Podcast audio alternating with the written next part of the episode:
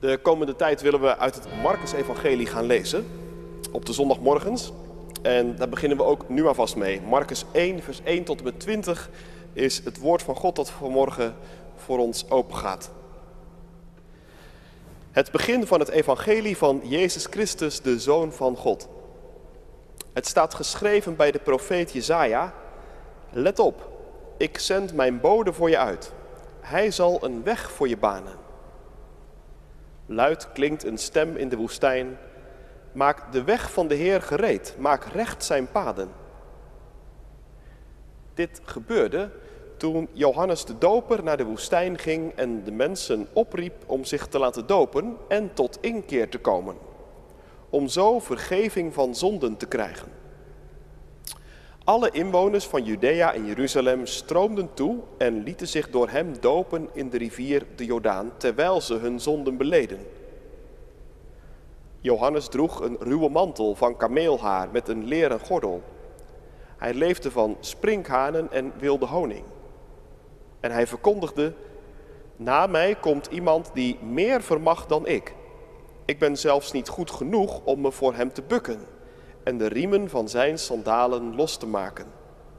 Ik heb jullie gedoopt met water, maar hij zal jullie dopen met de Heilige Geest. In die tijd kwam Jezus vanuit Nazareth, dat in Galilea ligt, naar de Jordaan, om zich door Johannes te laten dopen. Op het moment dat hij uit het water omhoog kwam, zag hij de hemel openscheuren en de geest als een duif op zich neerdalen. En er klonk een stem uit de hemel: Jij bent mijn geliefde zoon, in jou vind ik vreugde. Meteen daarna dreef de geest hem de woestijn in. Veertig dagen bleef hij in de woestijn, waar hij door Satan op de proef werd gesteld. Hij leefde er te midden van de wilde dieren en engelen zorgden voor hem. Nadat Johannes gevangen was genomen, ging Jezus naar Galilea, waar hij Gods goede nieuws verkondigde. En dit was wat hij zei. De tijd is aangebroken. Het koninkrijk van God is nabij. Kom tot inkeer en hecht geloof aan dit goede nieuws. Toen Jezus langs het meer van Galilea liep, zag hij Simon en Andreas, de broer van Simon, die hun netten uitwierpen in het meer. En het waren vissers. Jezus zei tegen hen: Kom, volg mij. Ik zal van jullie vissers van mensen maken. Meteen lieten ze hun netten achter en volgden hem. En iets verderop zag hij Jacobus, de zoon van Zebedeus, en zijn broer Johannes, die in hun boot bezig waren met het herstellen van de netten. En direct riep hij hen. Ze lieten hun vader Zebedeus met de dagloners achter in de boot en volgden hem. Tot zover de lezing van morgen. Dit is het woord van God, gemeente, aan het begin van een nieuw jaar. Voor jou, voor u, voor mij. Gelukkig zijn we als we het woord van God horen, daar ons vertrouwen op stellen. Halleluja. Amen. Uitgangspunt voor de verkondiging, vers 16 en 17 uit Marcus 1.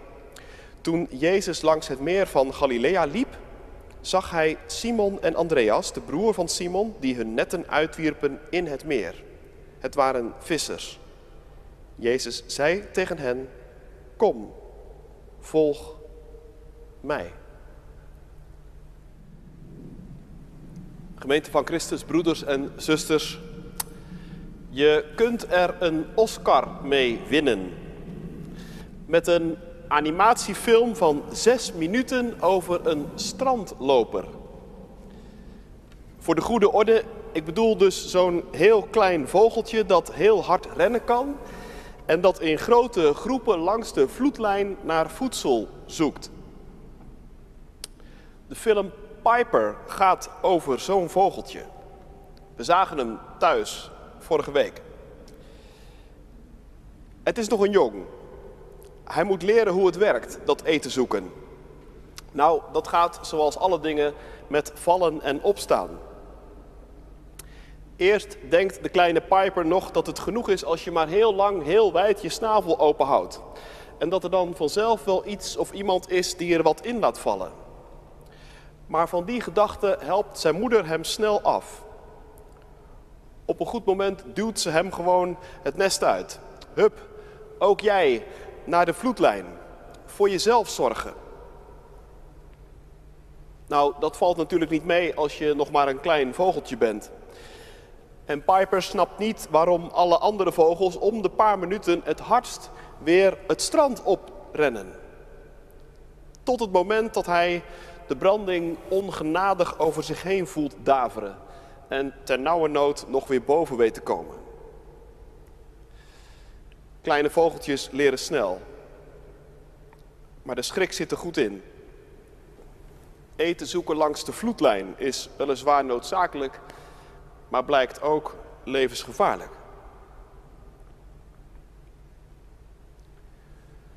De vloedlijn. Die speelt ook een belangrijke rol in Marcus 1.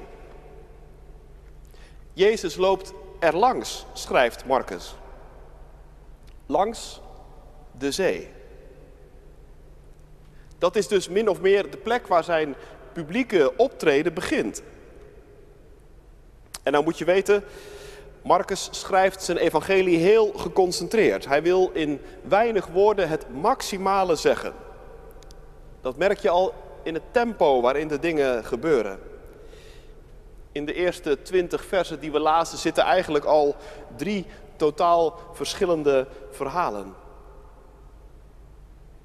Maar je merkt het ook aan de zinnen en aan de woordkeus. Er wordt niets te veel gezegd. En alles heeft betekenis. De zee. Dat is in het Marcus-evangelie bijvoorbeeld een veelzeggend woord. Natuurlijk, het is de locatie. Jezus wandelt daar over het strand. Maar Marcus schrijft bewust, hij wandelt langs de zee. En misschien weet je dat in de Bijbel de zee ook staat voor onrust en voor dood en voor chaos en voor de duivelse machten. De zee, dat is die onberekenbare plek die op het ene moment stil en kalm is en op het andere moment stormachtig en vol onrust. Tegen het geweld van water kan uiteindelijk geen mens op. En Jezus wandelt dus langs de zee. Dat wil zeggen, hij staat op de breuklijn. Aan de ene kant is er de zee en aan de andere kant is er het strand.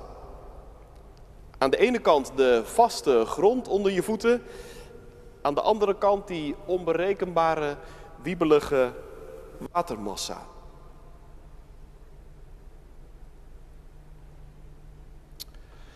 Nu, wij luisteren naar deze woorden op de drempel van een nieuw jaar. Ook op een breuklijn zou je kunnen zeggen. En wat voor een jaar. Nog minder dan andere jaren durven we ons aan voorspellingen te wagen. Wie op 1 januari 2020, vorig jaar dus, had voorspeld dat we er vandaag zo bij zouden zitten, die zou voor gek versleten zijn. Maar toch is het gebeurd. En wat het nieuwe jaar 2021 ons gaat brengen, dat weet niemand. We kunnen er prachtige vergezichten op loslaten natuurlijk. Dat kost geen moeite. Maar als het erop aankomt, dan zijn wij mensen van de dag.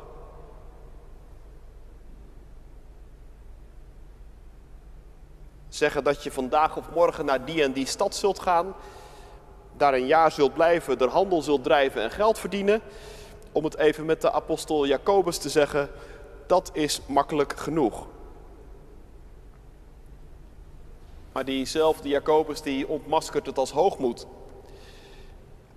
Jullie weten niet eens hoe je leven er morgen uitziet, zegt hij. Jullie slaan een veel te hoge toon aan. En jullie zijn er nog trots op ook. Dat soort trots is echt volkomen ongepast. Jacobus 4.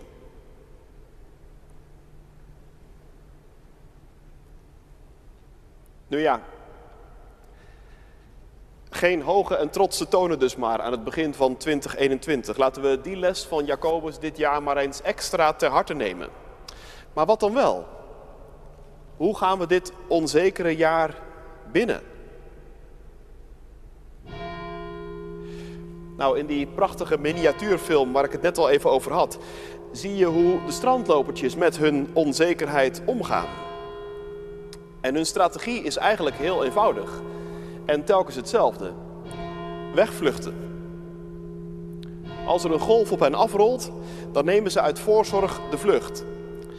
En je weet nooit hoe ver die golf het strand op zal rollen.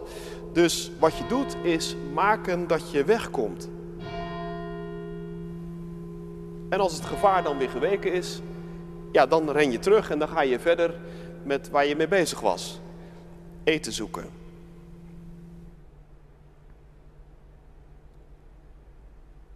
En ik zei net al, die kleine Piper had dat systeem dus nog niet zo goed door. En hij werd daardoor overvallen door het water. Maar tijdens die onaangename ontdekking, die hem ook bijna zijn leven kost, doet hij ook nog een andere ontdekking. De strandlopertjes zijn namelijk niet de enige dieren op het strand. Er zijn ook heremietkreefjes. En die blijken op een heel andere manier om te gaan met de dreiging van het water. Zij zijn nog veel kleiner dan de strandlopertjes en bovendien veel minder snel. Dus tegenover het water maken ze geen schijn van kans. Maar toch komen ze niet om in de golven. En waarom niet? Nou, omdat ze zich elke keer als er een golf op hen afrolt, pijlsnel ingraven in het zand. De golf slaat over hen heen, maar in hun kleine tunneltjes zijn ze veilig. En als de golf zich terugtrekt, dan komen ze weer tevoorschijn.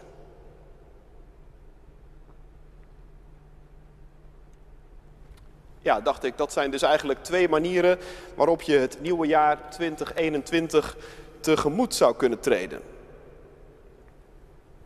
Je kunt proberen weg te rennen voor de onzekerheden die op ons af gaan rollen, want dat gaat gebeuren.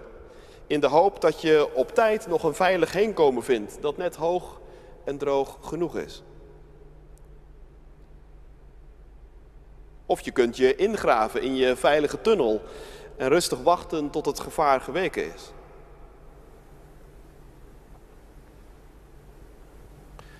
Maar nu zijn wij natuurlijk geen strandlopers en ook geen heremietkreefjes. Wij zijn mensen. En bovendien, bovendien zijn wij mensen die Jezus kennen. Jezus die langs de zee loopt. En precies daar, op de grens van het land en het water, daar gebeurt het. Op de grens tussen de vaste grond aan de ene kant en de onzekere toekomst aan de andere kant, daar komt Hij naar ons toe.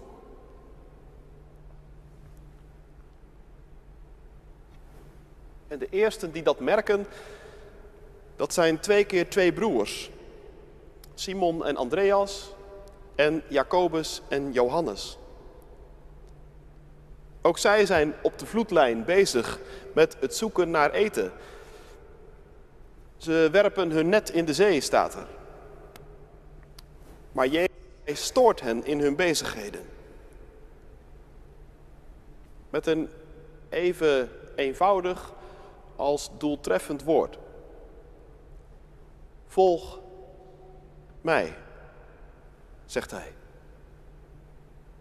Meer niet. Opvallend. Je merkt bij Jezus geen moment van aarzeling. Hij vraagt zich niet af of deze mensen wel geschikt zijn om hem te volgen. En Jezus verschijnt ook zomaar, plotseling in hun leven, terwijl ze hard aan het werk zijn.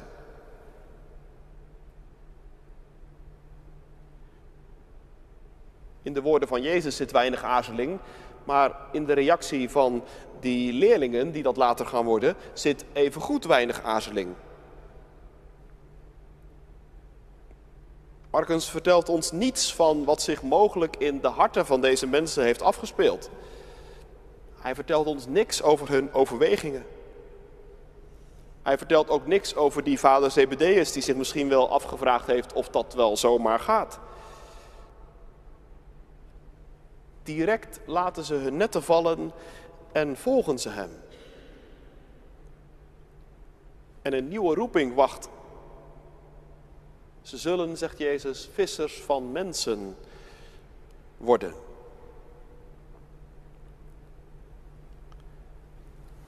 Wat betekent dat? Nou, het betekent in ieder geval dit.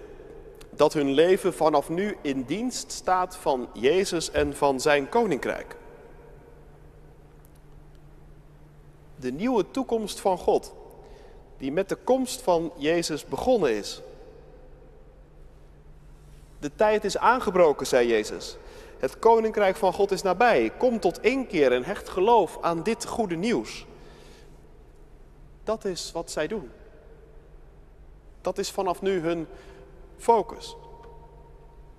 Volg mij. Die woorden klinken dus op het strand. Die klinken bij de vloedlijn, op de grens tussen land en water, tussen vastigheid en onzekerheid. En wij horen ze vandaag. Op de eerste dag van een nieuw jaar. Dat zal een jaar vol onzekerheid worden. Dat is geen eens een voorspelling te noemen. Maar voor die onzekerheid hoeven wij niet weg te rennen.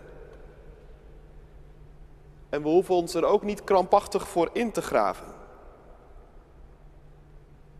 Want Jezus wandelt langs de zee. Precies op die grens bevindt hij zich. Veiligheid aan de ene kant, onzekerheid aan de andere kant. Precies ook op de plek waar ons leven van elke dag zich afspeelt.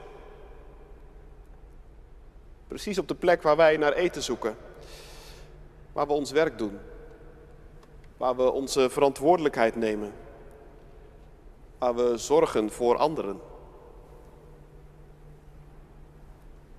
Precies dat gebied dat je niet kunt ontlopen. Daar klinkt zijn stem. Volg mij, zegt hij. Dat is een eenvoudig woord en dat lijkt me eigenlijk een heel mooi woord voor het begin van dit nieuwe jaar. We hebben ons al heel wat afgepeigerd en afgepijnst het afgelopen jaar en we hebben veel nagedacht. We hebben geprobeerd om diep te graven en dat is goed. Daar is de kerk ook voor. Maar soms is het ook heel eenvoudig. En dat is het voor morgen. En eenvoud, eenvoud is net zo goed diep. Eenvoud is net zo goed breed. Want die twee woorden van Jezus, volg mij, die raken alles. Zo gaan we het nieuwe jaar in. Achter Hem aan. En één ding is zeker. Op dat pad komen we ook in 2021 goed uit. Amen.